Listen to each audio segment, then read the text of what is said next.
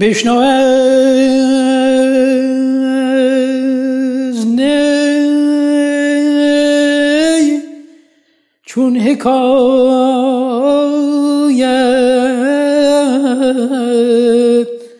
می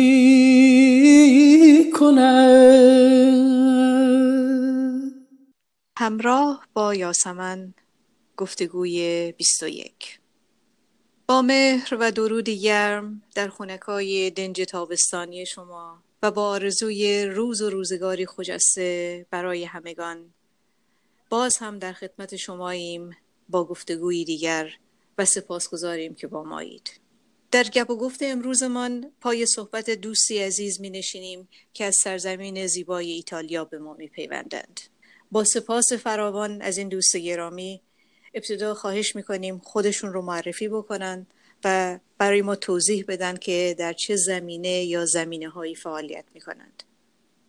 خواهش می‌کنم بفرمایید درود بر شما. خیلی خوشحالم که در برنامه شما حضور دارم و زمانی رو در اختیار من قرار دادین که بتونم یه گپی رو با شما داشته باشم. من هومن سلطانی هستم ساکن شهر میلان. در نزدیکی شهر میلان ساکن هستم نزدیک یکی از دریاچه های بسیار زیبای کشور ایتالیا. حدودا 16 سال هست که جلای وطن کردم و در این کشور دارم با دوستان ایتالیایی زندگی می‌کنم. من طراح صنعتی و designer هستم. یکی از خالقان برند لوتوس Design هستم. به همراه همسرم سپیده. و یکی از اعضای شرکت هل سبز که به زبان ایتالیایی cardamomo میشه. در ایتالیا در زمینه طراحی فشن و طراحی اکسسوری و اینتریور دیزاین فعالیت می‌کنم توی برند خودم به همراه همسرم. همچنین در برند کردمامو ما دارای سه رستوران هستیم در شهرهای مختلف دریاچه که دریاچه کوما هست. و در کنار کار رستوران تقریبا هشت سال هست که کارهای فرهنگی در زمینه شناسایی فرهنگ ایرانی به ایتالیایی داریم انجام میدیم. چندین تا تئاتر مختلف در زمینه شاهنامه شناسی اجرا کردیم در رستورانمون. چندین تا تئاتر در زمینه داستانهای هزار و یک شب و داستانهای آذربایجان اجرا کردیم. همچنین ما در رستوران هامون تونستیم فیلم های ایرانی رو به مردم ایتالیا معرفی کنیم. و تا الان هم مشغول هستیم به ادامه همین کار در کنار طراحی و برندی که داریم. تقریبا دو سال هست که به عنوان پرزیدنت یکی از روتاری های شهر لکو مشغول هستم و در کنار کاری که می‌کنم خدمات جانبی و به مردم شهر لکو دارم ارائه میدم. بسیار خوب و خوشبختیم که شما صمیمانه دعوت ما رو قبول کردین. آقای هومن تحصیلاتتون چی بوده و اصلا کجایی هستید؟ من دکترای دیزاین دارم. پدرم مال شهر کرمان هستن شهر زیبای کرمان و مادرم اصالتا مال تهران هستن ولی متولد شهر زیبای نیشابور. و تحصیلاتتون رو ایران انجام دادین یا؟ من تا زمینه لیسانس هم در ایران بودم و ادامه تحصیل ما در کشور ایتالیا تموم کردم. حالا چطور شد این رشته رو انتخاب کردید من عاشقانه این رشته رو دوست داشتم و دوست خواهم داشت. زمانی که قرار بود برای کنکور مثل همه دوستان عزیز ایرانیمون آماده بشم خیلی دو به شک بودم که اصلا چیکار باید بکنم. چون که خب دوره‌ای که ما بودیم هنوز خیلی هنر و مثلا طراحی و زمین های هنری خیلی باب نبود. فقط تو تهران گرایش های زیادی بود ولی خب توی شهرستان کرمان که من تحصیل می‌کردم تا زمان دیپلمم مدارسی متعلق به دوره طراحی وجود نداشت ولی خب من از زمان کودکی با توجه به کمکی مادرم بهم می‌کرد خیلی توی زمینه های هنری فعالیت داشتم. من تقریبا دوازده سال دوره نقاشی رو دیدم توی کرمان. زیر اثر دو تا از اساتید خیلی خوبم. و عاشقانه مثلا به زمینه طراحی حالا طراحی به اون موقع انقدر حرفه‌ای نمی‌شد بهش فکر کرد. طراحی و نقاشی جز از هابی های خیلی خوب من بود. زمانی که داشتم انتخاب رشته می‌کردم برای تحصیلم خب داشتم فکر می‌کردم که در زمینه تجربی اون حس و حال من شاید نتونه اجازه بده که تو این زمینه تحصیل کنم. و همچنین تو زمینه ریاضی هم با توجه به نمرات خیلی خوبی داشتم ولی خیلی علاقه به رشته مهندسی نداشتم. بنابراین گرایشم رفت به زمینه طراحی و گرافیک. با تلاشی کردم تونستم توی دانشگاه تهران قبول بشم.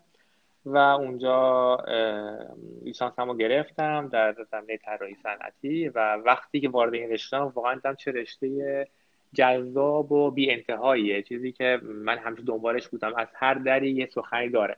ایران رو ترک کردم در زمینه طراحی و با امید به این که وارد دنیای جدیدی بشم و بتونم که تمام این تجربیات جدیدم رو برگردونم به ایران وارد کشور ایتالیا شدم. ولی خب تقدیر آدم هیچ وقت اون چیزی نیست که خودش فکر می‌کنه. دوران تحصیل من از وقتی شروع شد الان 16 سال گذشته و من دیگه فکر می‌کنم تقریبا سالهاست که دیگه ساکن ایتالیا هستم و خب با مردم ایتالیا خیلی رابطه خوبی دارم خیلی کشور رو دوست دارم. ولی خب همیشه این حس دوری از وطن و اون حسای خوب دوران کودکی دوران جوانی و دانشگاهی که من بودم همیشه آدم همراهش هست. من و همسرم داریم تلاش می‌کنیم که فرهنگ ایرانی رو به کسانی که نمی‌شناسن حداقل یادآور کنیم. آیا ساکن شدن در ایتالیا رو از قبل پیش بینی کرده بودید؟ یعنی با این هدف به ایتالیا رفتید؟ زمانی که داشتم به اپلیکیشن ها انجام میدم برای دانشکده دو دانشگاهی آمریکا. که باهاشون تماس گرفتم اونم خیلی مشتاق بودن که من تو زمینه انیمیشن برم باشون همکاری کنم چون من تز پایان نامه لیسانس هم به عنوان اولین نفری که تو ایران تو زمینه انیمیشن طراحی کرده بود من بودم. خیلی تز قوی بود. تقریبا یک سال و نیم بود تزم کار کردم با چند تا اساتید امریکایی به صورت آنلاین باشون همکاری می‌کردم و یه پروژه خیلی عظیمی رو روش کار کردم و به نتیجه رسوندم. و با توجه به این مثلا پایانامه‌ای که داشتم به من سریعا گفتن که ما منتظر هستیم که بیای امریکا برای ادامه تحصیل من منتظر بودم که کارهای امریکا انجام بشه و جواب اپلیکیشن هم بودم که از سفارت ایتالیا با من تماس گرفتن که ویزا آماده است. به هوای گرفتن ویزای امریکا رفتم توی سفارت ایتالیا ولی دیدم که ویزای ایتالیا برای من اونجا آماده شده. و خب کنجکاو شدم که اصلا ویزا از کجا آمده و من هیچ درخواستی برای ایتالیا ندادم. فهمیدم که دانشکده اریزونا که من باشون اپلیکیشن رو پر کرده بودم مدارک منو برای چند تا دانشگاه های اروپایی فرستاده بودن چون انگار برای ترم ترم پاییز توی اون سال جا نداشتن. و پلیتکنیک میلان هم همون سال سریع به من اپلیکیشن داده بود یه بورس تحصیلی خیلی خوبی هم من داده بودن. این قسمت زندگی من در اون زمان رقم خورد و من با حمایت خب خانوادم خیلی پدر و مادرم گفتن که نه اصلا نباید رد کنی یعنی اتفاق خیلی خوبه. تو میری اونجا یه دوره سه ماهه رو حتی خوش میگذرونی. اگر دوست نداشتی از همونجا ادامه تحصیل رو توی امریکا میری انجام میدی. میگم دقیقا همه چی مرتبه جور شد. من بعد از اون تماسی که با هم گرفته تقریبا چهار هفته بعد من سوار هواپیما بودم به طرف شهر میلانی که تا به حال ندیده بودمش. من به همراه خانوادم اروپا رو دیده بودم. چندین سال قبل ولی هیچ وقت میلان سفر نداشتم.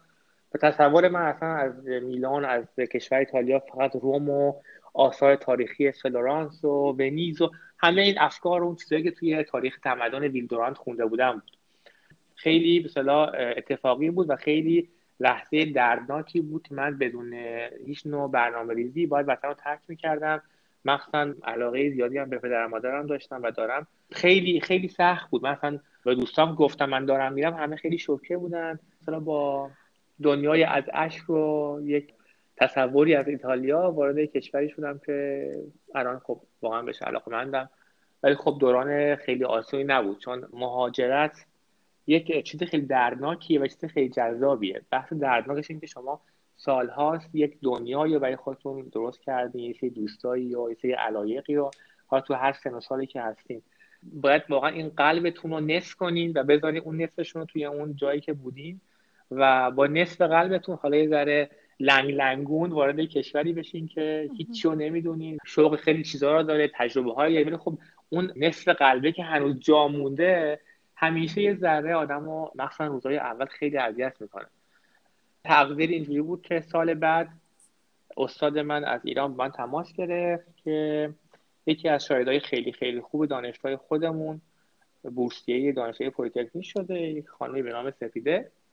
و اگر که بتونی کمک کنی از تجربه که داشتی که خب مثل تو سختی نکشه وقتی که وارد کشور میشه تماما یه چند ماهی به صورت ایمیل با هم در تماس بودیم. من بهشون راهنمایی کردم که چه کاری انجام بده چیزهایی نیاز هست بیاره وارد چه کشوری خواهد شد. خوابگاهی که خودم ساکن بودم و بهش پیشنهاد دادم. دری شد برای یک دنیای دیگه ای از زندگی من و همسر آیندهم که ایشون آمدن میلان. و خب ما با هم هم دانشگاه و هم خوابگاه شدیم. با هم دانشگاه می‌رفتیم با هم درس میخوندیم. دوستای خیلی خیلی خوبی واسه هم شدیم. خیلی از نظر فکری با هم نزدیک بودیم. این دوستی ما تقریبا یک سال به دوستی خیلی معمولی ادامه پیدا کرد. ما با هم ازدواج کردیم. یه چند ماهی بدون کار بودیم ولی خب خیلی جالب شد که ما به من یه شرکت خیلی معروف طراحی زنگ زدن. منو همون موقع خواستن و من رفتم مصاحبه کردم و من روز بعد استخدام شدم. و بعد از یه هفته کار کردم بهم گفتن که یه نفر دیگه خودت بیا ما نیاز داریم به آدمی مثل خودت. منم سریع سفده رو معرفی کردم سفده هم همون موقع قبول شد. توی اون دوره دو ساله ای که ما توی شرکتی طراحی کار می‌کردیم با یه گروه هفت نفره ایتالیایی همراه بودیم توی office مثلا طراحی.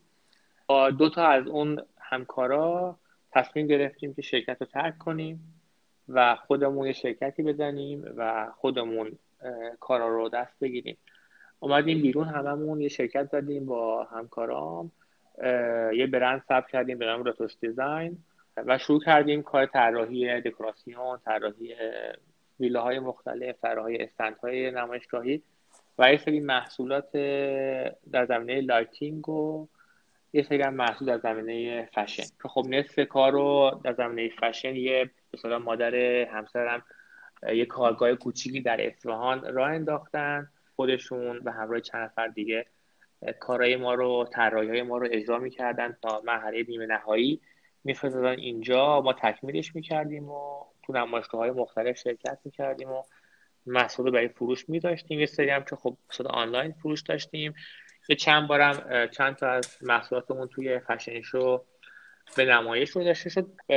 ما سعی می‌کردیم سری برنامه های ایرانی برگزار کنیم برای دوستای ایتالیاییمون بهشون فرهنگ رو نشون بدیم بهشون ادبیات ایرانی نشون بدیم که چی هست. شریک های ما به من گفتن که خب تو که اینقدر با خانم فعالی تو این زمینه بیا یه گالری آرت خیلی خاص را بندازیم که توی اون هم محصول خودتون رو بفروشین. همین که حالا چایی های مخصوص ایرانی که اینقدر شما درش صحبت می‌کنین و به ما میدین می‌خورین. شیرینی های مخصوص ایرانی و حالا حالا مال کشورهای دیگر رو توی این گالری آرت بفروشین. به صورت یه کافی شاپی که آرتیستان میان و یه سری برنامه های خاص هم اونجا اجرا میشه. قصد داشتیم که یه آشپزی خاص ایرانی و با غذاهایی که تو خونه های شهر شهر ایران سرو میشه و با یک طراحی و دیزاین خیلی خاصی رو ارائه بدیم به ایتالیا. در نهایت جای خیلی خوبی رو تونستیم پیدا کنیم. همون بله اول تو مرکز شهر. به جای کوچیکی بود تقریبا صد متری بود. یه design خیلی ساده ای هم بهش فکر کرده بودیم که وقتی که کسی واردش میشه فکر نکنه که این رستوران هندیه فکر نکنه عربه چون خب می‌دونیم متاسفانه هنوز درک زیادی از فرهنگ ایرانی با توجه به تبلیغ براش نمیشه ندارن. به همین ما رو design ش خیلی سعی کردیم design مینیمالی باشه ولی خب option های ایران توش کاملا کاربرد کرده باشه. خوب بود یعنی ما برای شروع کار به عنوان دو طراح که هیچ نوع تجربه تو زندگی تو زمینه رستورانداری نداشتیم. البته خب من واقعا عاشق آشپزی بودم و هستم. سالها آشپزی می‌کردم. من توی دوره ای هم که درس میخوندم یه دوره شیش ماه هم فود دیزاین رفتم دیدم تو دانشگاه چون برام جذاب بود این رشته. یک بکراندی ما داشتیم از زمینه غذایی ولی خب رستوراندار نبودیم. تقریبا بعد یک ماه هم رستوران ما به عنوان تاپ ترین رستوران شهر انتخاب شد. جایزه گرفتیم از طریق مثلا یکی از نهادهای فود ایتالیا. و خب اصلا یه دنیای دیگه ای شد برای ما دیگه. ما در کنار دیزاین که داشتیم انجام می‌دادیم خب برای اون جذاب بود. این کارم برای اون جذابیت خیلی خاصی پیدا کرده بود که اصلا بهش وابسته شده بودیم. یه منوی داشتیم که توش بیشتر از 35 مدل دمنوش بود. دمنوشایی که توی ایران خب خیلی سیر می‌شد و من پدرم واقعا تو این زمینه تقریبا چل سال تحقیق کرده بودن. همه رو وارد ایتالیا کردیم و یه سری ظرفای خیلی خاصی طراحی کردیم برای این دمنوشا که همشون گیاه های واقعا طبیعی بودن. که ما تو این ظرفا براتون سرو می‌کردیم رنگ های مختلف یه چیز عجیبی بود و واقعا با کیک هایی که ما طراحی کرده بودیم یه دنیای عجیبی برای مردم این شهر رو باز کردیم که اصلا با فرهنگ ایرانی آشناشون کردیم. در کنار این کار ما شروع کردیم سری از برنامه های فرهنگی رو گذاشتن و دانشجوهای ایرانی اینجا بودن می آمدن پیش ما. یه سری شروع کردیم بر اساس فیلم های ایرانی آشپزی کردن فیلم نشون می‌دادیم و بر اساس اون غذایی که تو فیلم خورده میشه ما آشپزی می‌کردیم بهشون غذا رو می‌دادیم. یه سری برنامه ریزی های کارهای تئاتر انجام دادیم. با 6 7 تا خبرنگار ایتالیایی که ایران سفر کردن تماس داشتیم و اونا آمدن با ما همکاری کردن. از یه دنیای design وارد یک دنیای business فرهنگی شدیم که خب کلا دنیای دیگه بوده. خب برای ما خیلی جذاب بود. که از دوستای ایتالیاییمون با پیوند خورد. و اونم جزء های ما شد با توجه به علاقه که به این کار داشت. و خب با کمک ایشون و همسرشون ما تونستیم شعبه دوم بزنیم توی یکی شهرهای نزدیک دوباره. و خیلی شانسی که از قدیمی ترین مغازه های شهر کومو رو ما پیدا کردیم. مال تقریبا 1400 سال پیش این مغازه. و حتی نمیشه به دیواراش میخ کوبید. یعنی تمام این مغازه توی نظر میراث فرهنگی تحت کنترل و یه دیوارای سخت تاقه خیلی قشنگی مثل تاقه قدیم ایران داره و یه کفپوش بسیار خاص اونجا رو گرفتیم و خب با درگیری خیلی فراوانی که با میراث فرهنگی داشتیم تونستیم اونجا رو تبدیل کنیم به یه رستوران کوچیک. اونجا رو باز کردیم تقریبا تقریبا چهار سال پیش و خب اونجا هم خیلی استقبال خیلی خوبی شد. اونجا رو دیگه تبدیلش کردیم هم به یه رستوران کوچیک هم به یه دیزاین شاپ ایرانی. که ما تقریبا با یه در دوازده تا از طراحهای ایرانی تونستیم همکاری کنیم و برنداشون رو وارد ایتالیا کنیم و اونجا به فروش بذاریم. ما تقریبا ماهانه نمایشگاه های مختلفی از کارهای بچه های ایرانی می‌ذاریم. مثلا یه دیزاین شاپ رستوران ایرانی در نظر گرفتیم. علاوه اینکه با سری از موسیقیدان های ایرانی ما همکاری می‌کنیم توی رستورانمون که میان به صورت موسیقی اصلی ایرانی و با تمایی که ما در نظر می‌گیریم برنامه‌ریزی کردیم که اجرا میشه اینجا. که در تمام این سالهایی که خوب ما داشتیم کار می‌کردیم پدر سپیدم که خب اینجا ما رو همراهی می‌کردن مادر خودم بودن که ایشون شاعر هستن. چندین بار تونستیم ازشون استفاده کنیم که شبای شعر اینجا برگزار کردیم. در کنار شاعرای ایتالیایی و مشاعر ایرانی یه میکس کالچدار ایرانی و ایتالیایی بود. پدر همسرم هم همینطور یه تئاتر خیلی بزرگی و ما توی یکی از شهرها اجرا کردیم به نام درام سیاوش که یک اقتباسی از داستان سیاوش در شاهنامه بود که ایشون نوشته بودن. آیا شنوندگان ما می‌تونن برن با فضای درونی رستورانتون بله. آشنا بشن؟ بله. از طریق اینترنت؟ بله بله. رستوران های ما به اسم رستوران های زنجیره‌ای کردمام و پرشین پالاس هستش. که کردمام به زبان ایتالیایی به نام به معنی هل سبزه که ما سایتمون کاردمام و پرشین پالاس دات ایت. وقتی واردش بشن تمام رستورانمون توش هستش. هم تو کومو هم تو شهر لکو. فضاهای مجازیمون رو می‌تونن واردش بشن ببینن چون هم فیلماش هست هم مثلا فضاهایی که داریم. خب دیگه فکر توی توی این فضای مجازی که فرمودین فکر می‌کنم غذای مجازی هم سرو می‌کنید. ما غذای روح هم سرو می‌کنیم. بله. آره بعد که از موفقیت های من سپیده تو این زمینه شاید این بود که ما سعی کردیم اون چیزی که خودمون می‌خوریم ما به مردم این شهر ارائه بدیم. یعنی به علاوه حالا کیفیت برامون خیلی مهم بود ولی اون چیزی که ما سر سفره مردم بردیم پر از عشق و شعر و فرهنگ و ایران بود. فقط اون غذای محض نبود. من تو زمان خودم آشپزی می‌کردم و بعد که خب نظارت رو آشپزی می‌کردم سعی کردیم که واقعا اون عشق رو توی غذامون ارائه بدیم و مردم خیلی حس کردن و وقتی ما می‌گفتن این قضیه رو ما واقعا خوشحال بودیم که خب واقعا موفق شدیم که واقعا این عشق رو توی غذایی که داشتیم و نشون بدیم. ما دنبال این بودیم که خب تقریبا چند سال بود دنبال این بودیم که اگه بتونیم پیدا کنیم یه جای بزرگتری و تو مرکزش اصلی خود شهر. خب خیلی آسون نبود پیدا کردن فضایی که ما دنبالش بودیم. خیلی اتفاقی ما پارسال یکی از رستوران های شهر بسته شد و ما خیلی سریع تونستیم که به تفاهم برسیم با برای باز کردن رستوران جدیدمون توی شهر لکو.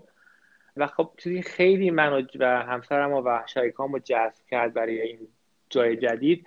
یه توی دقیقا میدون اصلی شهر خب در کنار تمام رستوران های معروف این شهر خب من برام خیلی جذاب بود. خب ما الان دقیقا توی جایی هستیم که دیگه باید رقابت کنیم با بزرگترین رستوران های شهر که سالیان سال اینجا هستن و خب به رستوران خیلی معروفی هستن.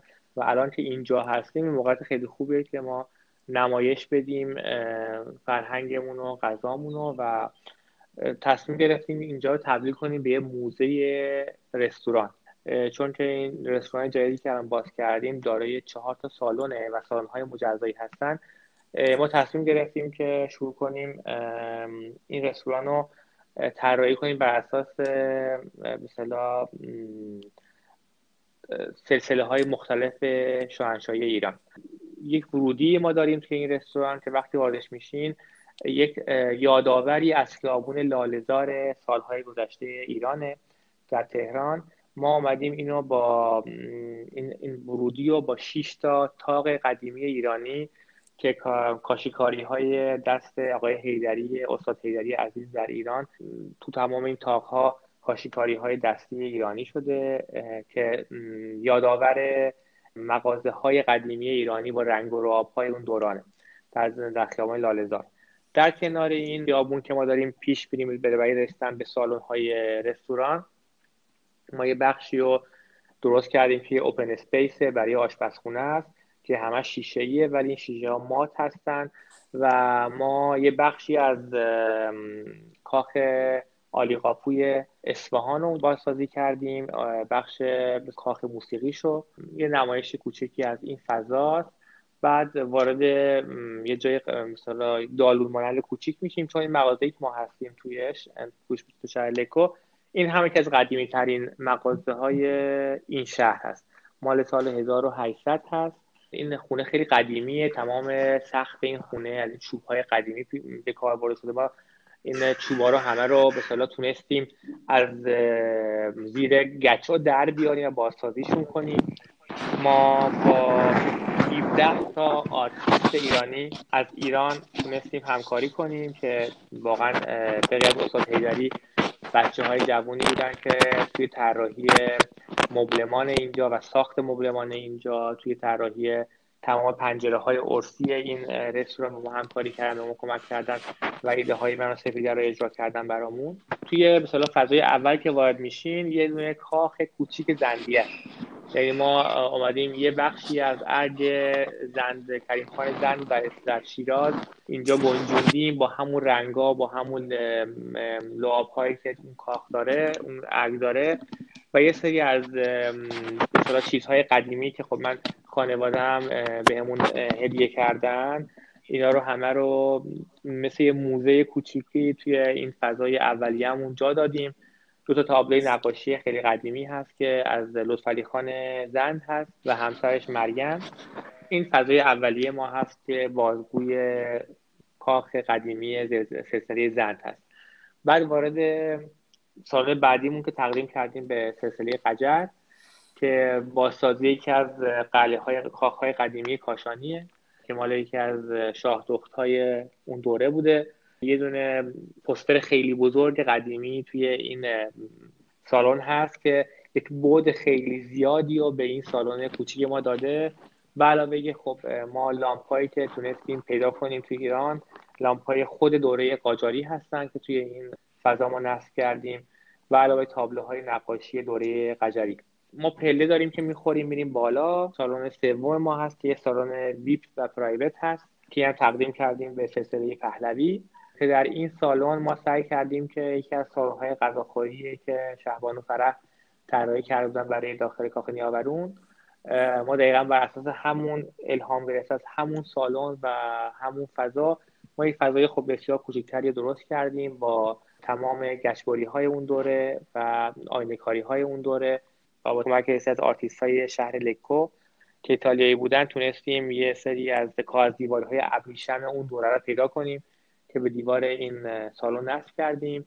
به علاوه اینکه یه شومینه کوچیک ما طراحی کردیم و اساس همون کاخهای قدیمی دوره پهلوی. همچنین صندلی ها و میز ها هم بر اساس همون دوران هستن. ما فقط تونستیم که کوچیک‌ترش کنیم که تو فضامون جا بشه. بخش موج توری ما هست. تمرهای قدیمی دوره پهلوی یه سری مدال های قدیمی اون دوره که کلکسیون خانوادگی بوده. اونجا ما نصب کردیم برای بازدید عموم هستش. و یه بخشی هم هست تو مسیر پله هستش که ما تونستیم یه سری از قابهایی از تمام مشاعیر و دانشمندان و آدمهای بزرگ ایرانی رو توی این قاب ها قرار دادیم و کسی که از این پله بارا میره شروع می‌کنه به دیدن تمام این انسان های که خب تقریبا همش رو دست دادیم. این ذره با فرهنگ حتی علمی و فرهنگی ایران هم اینجوری می‌تونن آشنا بشن. یه بخشی از این سالن تبدیل میشه به یک سالن سینما که ما دوشنبه های هر هفته اینجا سینما برگزار می‌کنیم با یک فیلم ایرانی به زبان ایتالیایی یا به زبان انگلیسی با یک شام مخصوص اون فیلم. از پلاک برگردیم پایین وارد یک باغچه ایرانی میشیم به نام پردیس که این باغچه ایرانی هم ما سعی کردیم از گلها و تراوت باغهای ایرانی استفاده کنیم در اجتماعش و از سنگ های مرمر برای میزها استفاده کردیم و صندلی ها هم رنگ چرم سفید و طلایی که دوران زندگی استفاده می‌شد استفاده شد. هفت ماه زحمت کشیدیم. خیلی خیلی خیلی سخت بود چون باید هم باسازی خیلی سخت تو این کار انجام بدیم چون خیلی قدیمی بود این خونه. همچنین باید تقریبا سه تن بار از ایران می آوردیم که باید همه اینا سالم به دست ما می‌رسید چون چیزهای خیلی عتیقه تو این بار بود. ولی خب خدا همه چی به راحتی رسید و و این دوره هشت ماه بازسازی هم انجام شد.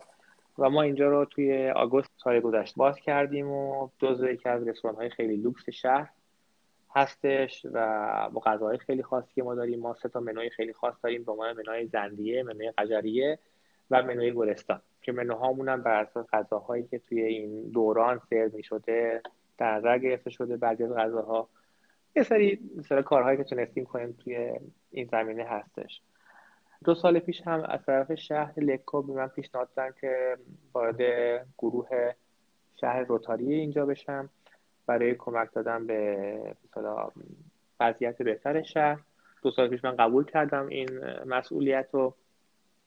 پارسال هم به عنوان president بخش جوانهای این شهر من معرفی شدم و از اون زمان خب من دارم در کنار کارهایی که دارم با شرکت هست office هست و رستوران هایی که داریم هست دارم خدمات زیادی رو به همشهری های شهر لکوم میدم. ما خب جلسات هفتگی داریم.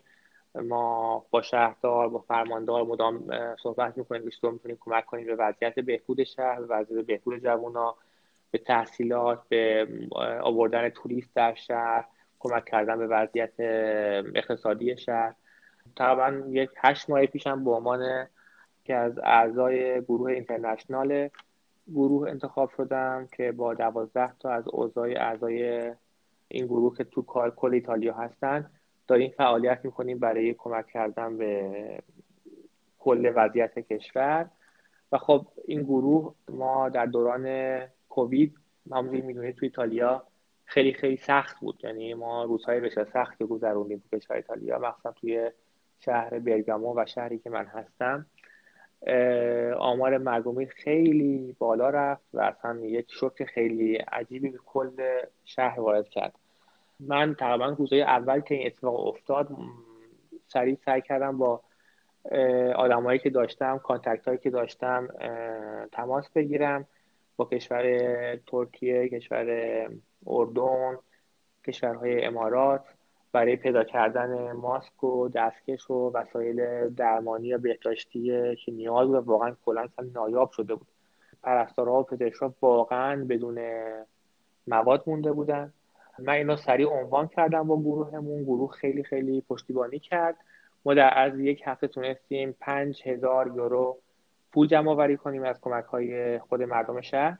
من تونستم اولین بار ماسک های بیمارستانی رو که پنج میلیون ماسک بود از طریق اردن به ایتالیا وارد کنیم با توجه به اینکه تمام مرزها بسته شده بودن. خب دولت خیلی ما رو پشتیبانی کرد تو این زمینه و تونستیم که ما خیلی سریع مرز هوایی باز کنیم و مثلا این ماسکا رو وارد ایتالیا کنیم. از اون برای از خریدایی کردیم توی گمرک ایتالیا متاسفانه جورشو گرفتن و پرواز ممنوع شد. تقریبا خیلی بارها مثلا توی چین چند تا ما بار تونستیم پیدا کنیم که بارهامون اونجا پلوم شدن نتونستن به ایتالیا پرواز کنن. رو زمین تو دوران کووید ولی خب با توجه به چیزایی که پیدا کردیم و کانکتر که من داشتم تونستیم با آلمان با کانادا با استرالیا هماهنگ بشیم و این تیم دوازده نفره ما تیم خیلی خیلی فعالی بود که ما تقریبا 22 ساعت در روز کار می‌کردیم که بتونیم که یه کمک کنیم به مردم کلا کشور. از اون ور خب تونستم یه سری خدماتی هم به ایران بدم و با توجه به روابطی داشتم یه سری بار تونستیم پیدا کنیم که برای ایران بفرستیم. نیازمند به ماسک و دستکش بودن که از طریق دوستای ایرانی پیگیری شد و فکر می‌کنم به دستون رسید. ولی خب خیلی, خیلی تجربه عجیبی بود. ما دوران جنگ رو تو ایران داشتیم. بعدش خب دوران خیلی سختی بود. بعد دوران جنگ بازسازی های شروع شد. خب ما توی دوران خیلی خوبی ما مثلا تو ایران نبودیم. یعنی دوران کودکی ما با توجه که خیلی جذاب و زیبا بود ولی یه سیاهی هم برای خودش داشت خب ما اون موقع شاید حس نمی‌کردیم چون ما بچه بودیم. ولی وقتی بیرون می از اون فضا حس خب چقدر دوران سختی بوده. ولی این دوران کووید رو واقعا فکر می‌کنم اصلا واقعا چیزی تو تاریخ اصلا عجیبه مثل فیلمه مثل این فیلم های تخیلی که آدم توی دوران هالیوود می‌بینه. شهر بود متروکه. خب ما تو زمینه رستوران واقعا واقعا لطمه خیلی زیادی خوردیم. نه من تمام کسایی تو این سه دارن کار می‌کنن و واقعا خب نیازمند به این کار هستن. خب بیرون اومدن با مجوز بوده. من با توجه به اینکه ممبر روتاری بودم مجوز ورود و خروج داشتم برای کمک کردن به شهر. ولی پلیس مدام کنترل می‌کرد همه چی رو کنترل مثلا سیستم مثل حکومت نظامی خیلی عجیب غریبی بود. و واقعا نمی‌دونستیم کی تموم میشه. ما هر روز آمار رو نگاه می‌کردیم که خب این اینجوریه این بدتره فردا بدتر می‌شد. برای من و خانوادم تجربه جدیدی بود تو من تازه صاحب یه فرزند پسر شده بودم و واقعا هیچ وقت وقت نشم خونه باشم که لذت داشتن دیاکوی عزیزم بهره من بشن این دوران سه ماهی که مجبور بودیم خونه باشیم و تو خونه کار می‌کردم تونستم در کنار فرزندم و همسرم سه ماه سپری کنم. میگم مثل یه برزخی بود دیگه. خوب و بد با هم قاطی بود. ولی آیا الان شما در حال حاضر به روال عادی برگشتید یا نه؟ منظورم اینه که کل شهر آیا این بازگشایی هایی که در اینجا و اونجا ازش صحبت میشه آیا در مکانی که شما کار می‌کنید رخ داده؟ چون من خب تو بطن این قضیه بودم با توجه به که توضیح بهتون دادم و می‌دونستم تو چه وضعیتی هستیم. می‌تونستم حق بدم به مردمی که اصلا جرأت نکنن بیان بیرون از خونه هاشون. و اینکه خب چه برسه اصلا بیان رستوران غذا بخورن. تقریبا دو هفته اولی که تازه اجازه باز تو رستوران ها بود با توجه به تمام فاصله های اجتماعی نمی‌دونم ایتالیا خیلی خیلی سخت گرفته بودن و هنوز هم سخت گرفتن. و شاید خب بگم جواب داد این سختگیری ها تقریبا هفته های اول که بهتون بگم مثلا شاید دو نفر سه نفر پنج نفر آدم میومد غذا می‌خورد. اونم با ترس و لرز و آدمایی بودن که جوون های شهر بودن آدمای خانواده اصلا نمیومدن از خونهاشون بیرون. آدم های مسن اصلا نمیومدن بیرون. کم کم وقتی خب آمار کمتر شد تلویزیون ها صحبت کردن که اوکی شده. کم کم ذره بهتر شد ولی اون اون ریکودی که ما توی اقتصاد ایتالیا و حالا دنیا می‌بینیم و واقعا نمی‌دونم چجوری میشه جبران کرد. چون خیلی از اکتیویتی ها واقعا بسته شدن. خیلی از رستوران ها تعطیل شدن. تو شهرهای کوچیک که اصلا واقعا دیگه اصلا کسی نیست بخواد بره رستوران. شهرهایی که مثل ما توریستی هستن توریست وجود نداره. توریست ایتالیایی هستن که از شهری اطراف میان. خب واقعا حس میشه. ما, ما مثلا ما خودمون با عنوان کسی رستوران داریم. ما روزانه 100 نفر 80 نفر مشتری داشتیم. ولی الان این 8 نفر 20 نفر. تازه ما باید بگیم خیلی هم خوشحال هستیم که 20 نفر میان تو ما رو می‌شناسن و خب به ما اعتماد دارن. ولی خیلی از رستوران حتی این 20 نفر هم مشتری برشون نمیدن با توجه به اینکه الان از دو روز قبل ضرر ماست تو خیابون آزاد هست هر کی بخواد می‌زنه هر کی نمی‌خواد نمی‌زنه مردم همچون همه می‌زنن ولی خب رستوران ها یه ذره رونق گرفتن جوون ها تقریبا هستن بیرون میان ولی حس میشه که همچنان مردم با ترس و لرز حتی خرج می‌کنن. تو نمی‌دونن فرداشون چه اتفاقی برشون میافته. دقیقا این من رو میکشونه به سوال بعدی که می‌خواستم ازتون بکنم.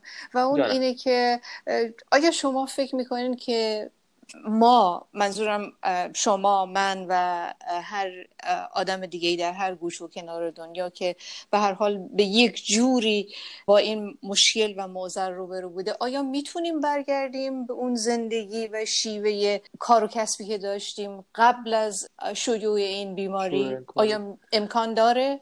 ببینین نمی‌تونم صد درصد بهتون بگم که آره یا نه ولی اون چیزی که من دارم می‌بینم مسلما زندگی ما زندگی کل ما با توجه به شور این بیماری یه تغییری کرده. یعنی این تغییر رو هممون داریم حس می‌کنیم هممون داریم می‌بینیم.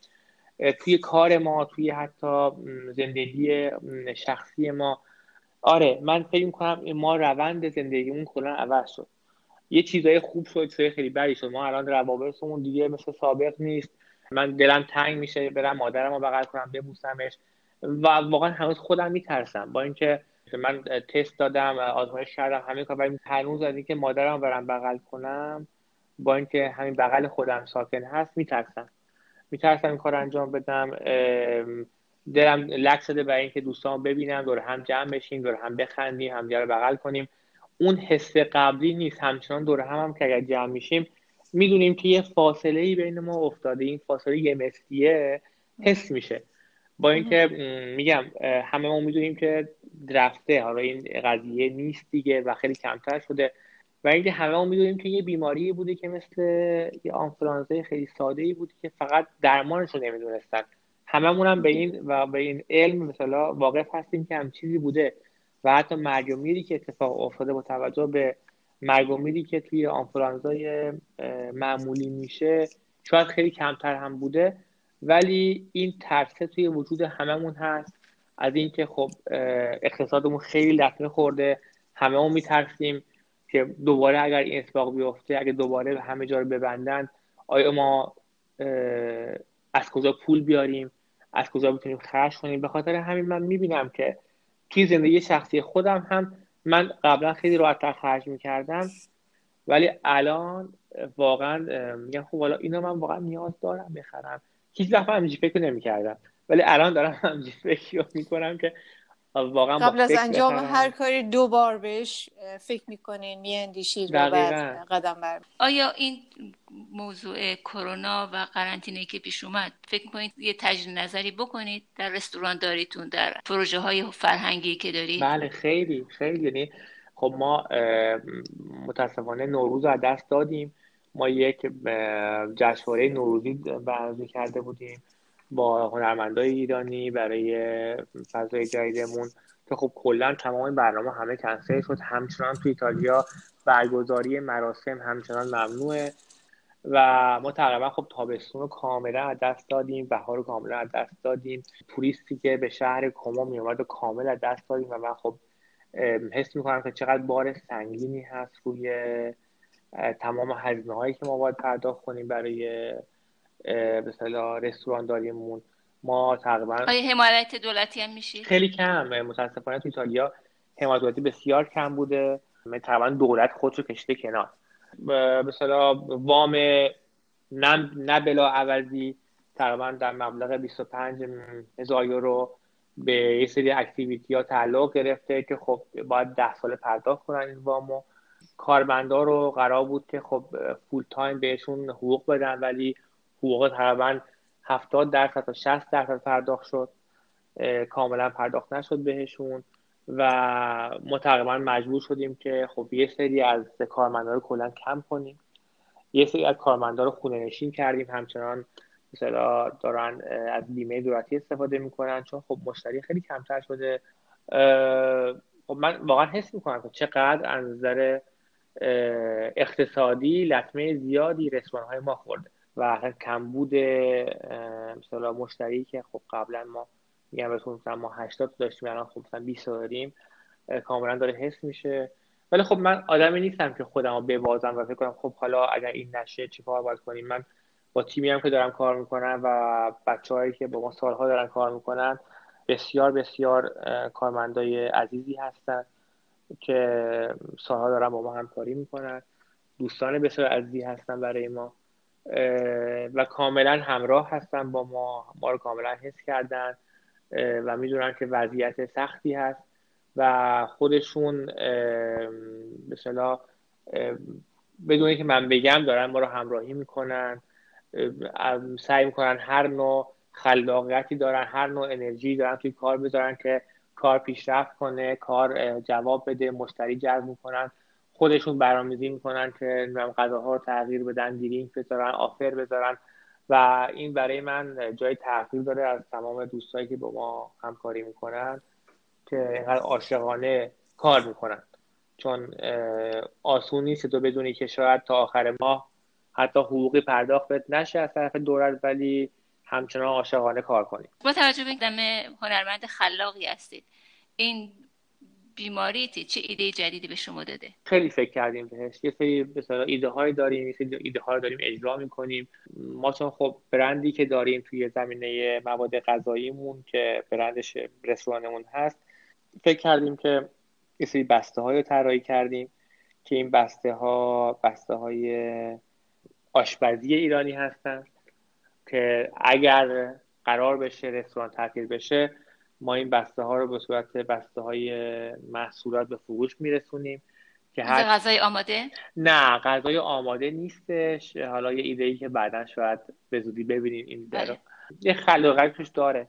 مطمئنا مثل چیزهای روش هایی که قبلا به کار بردید مطمئنا به بار خواهد نشست و ما براتون آرزوی موفقیت روزافزون و بهروزی رو داریم واقعا. من هم برای شما. در پایان آیا مطلبی هست که دوست داشته باشی با شنونده هایی که صدای شما رو میشنون در میون بذارید؟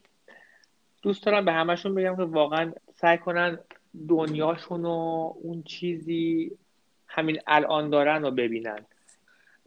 و اگه کاری رو دوست دارن انجام بدن و واقعا فرصت نمی‌کنن ما فرصتی برای فردا شاید نداشته باشیم چون از آیندهمون دیگه خبری نداریم با توجه به این دورانی که پشت سر گذاشتیم.